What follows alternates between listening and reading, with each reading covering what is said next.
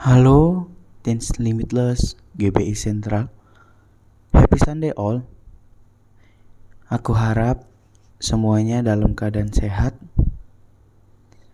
Topik kita hari ini yaitu terambil dalam kitab Yakobus pasal yang keempat ayat yang keempat. Demikianlah firman Tuhan. Atau kamu berdoa juga tetapi kamu tidak menerima apa-apa. Karena kamu salah berdoa. Sebab yang kamu minta itu hendak kamu habiskan untuk memuaskan hawa nafsumu. Judul renungan kita hari ini adalah doa yang salah. Doa yang salah apakah doa itu salah atau doa seperti apa yang salah. Yuk, sejenak kita fokus untuk mendengarkan sharing hari ini. Doa adalah sarana yang biasanya kita gunakan untuk berkomunikasi dengan Tuhan. Tentu, kehidupan kita sebagai orang Kristen tidak lepas dari yang namanya doa. Mulai dari doa bangun tidur, doa makan, dan masih banyak lagi. Nah, ada doa yang sering kita ucapkan apabila kita menginginkan sesuatu. Ingat deh, waktu kita mau beli sesuatu, misalnya handphone atau komputer pasti kita pernah disuruh untuk kita berdoa terlebih dahulu atas apa yang kita minta. Apakah doa meminta itu salah? Tentu tidak.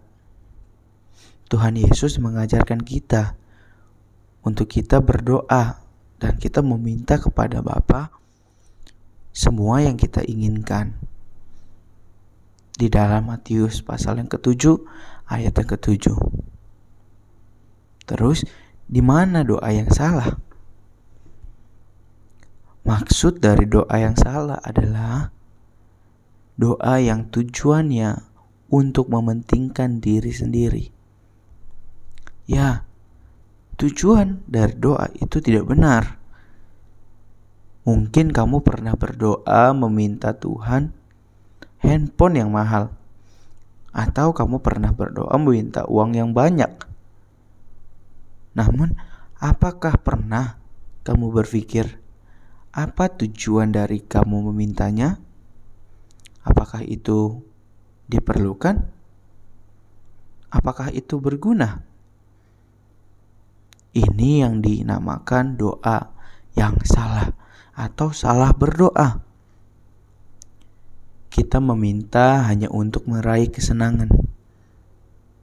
Kita tidak memikirkan apakah hal itu berguna atau tidak.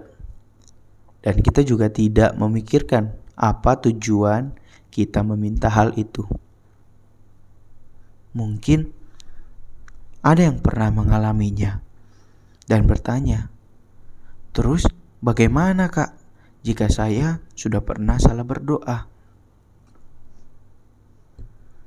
Jawabannya adalah It's okay. Gak apa-apa. Kalau kamu pernah salah berdoa Karena setiap orang punya tahap-tahap dalam berdoa. Dan setelah itu kita minta ampun. Dan kita perbaiki cara kita berdoa. Kita mulai memikirkan Mengapa saya meminta hal ini mengapa saya meminta hal itu? Dan kita mulai memikirkan apakah hal ini berguna untuk saya atau tidak. Sehingga kita tidak lagi salah berdoa. Dan kita menjadikan doa sebagai sarana kita berkomunikasi dengan Tuhan. Di sana kita bisa ngobrol, curhat, dan menyampaikan apa yang kita inginkan serta kita menjadikan doa karena kita ingin Tuhan bekerja dalam hidup kita. Kiranya sharing kita pagi hari ini itu dapat kita ambil apa yang baik. Kalau kita pernah salah berdoa, mari kita bangun kembali agar kita tidak salah berdoa. Amin. Tuhan Yesus memberkati. See you. Happy Sunday.